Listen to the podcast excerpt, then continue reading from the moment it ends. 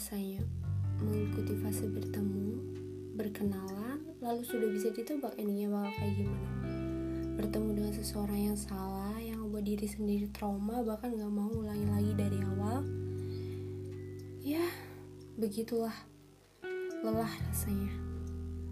Tapi akhirnya waktu bisa ngerubah segalanya. Waktu bisa ngerubah pola pikir bahwa setiap seseorang itu nggak akan sama Kali ini, waktu mempertemukan saya dengan dia. Seseorang sederhana yang membuat saya begitu bahagia dengan kesederhanaannya. Begitu bahagia dengan kekonyolannya. Ya, begitulah. Dia bisa merubah cara pandang saya terhadap lingkungan saya yang membuat saya susah beradaptasi.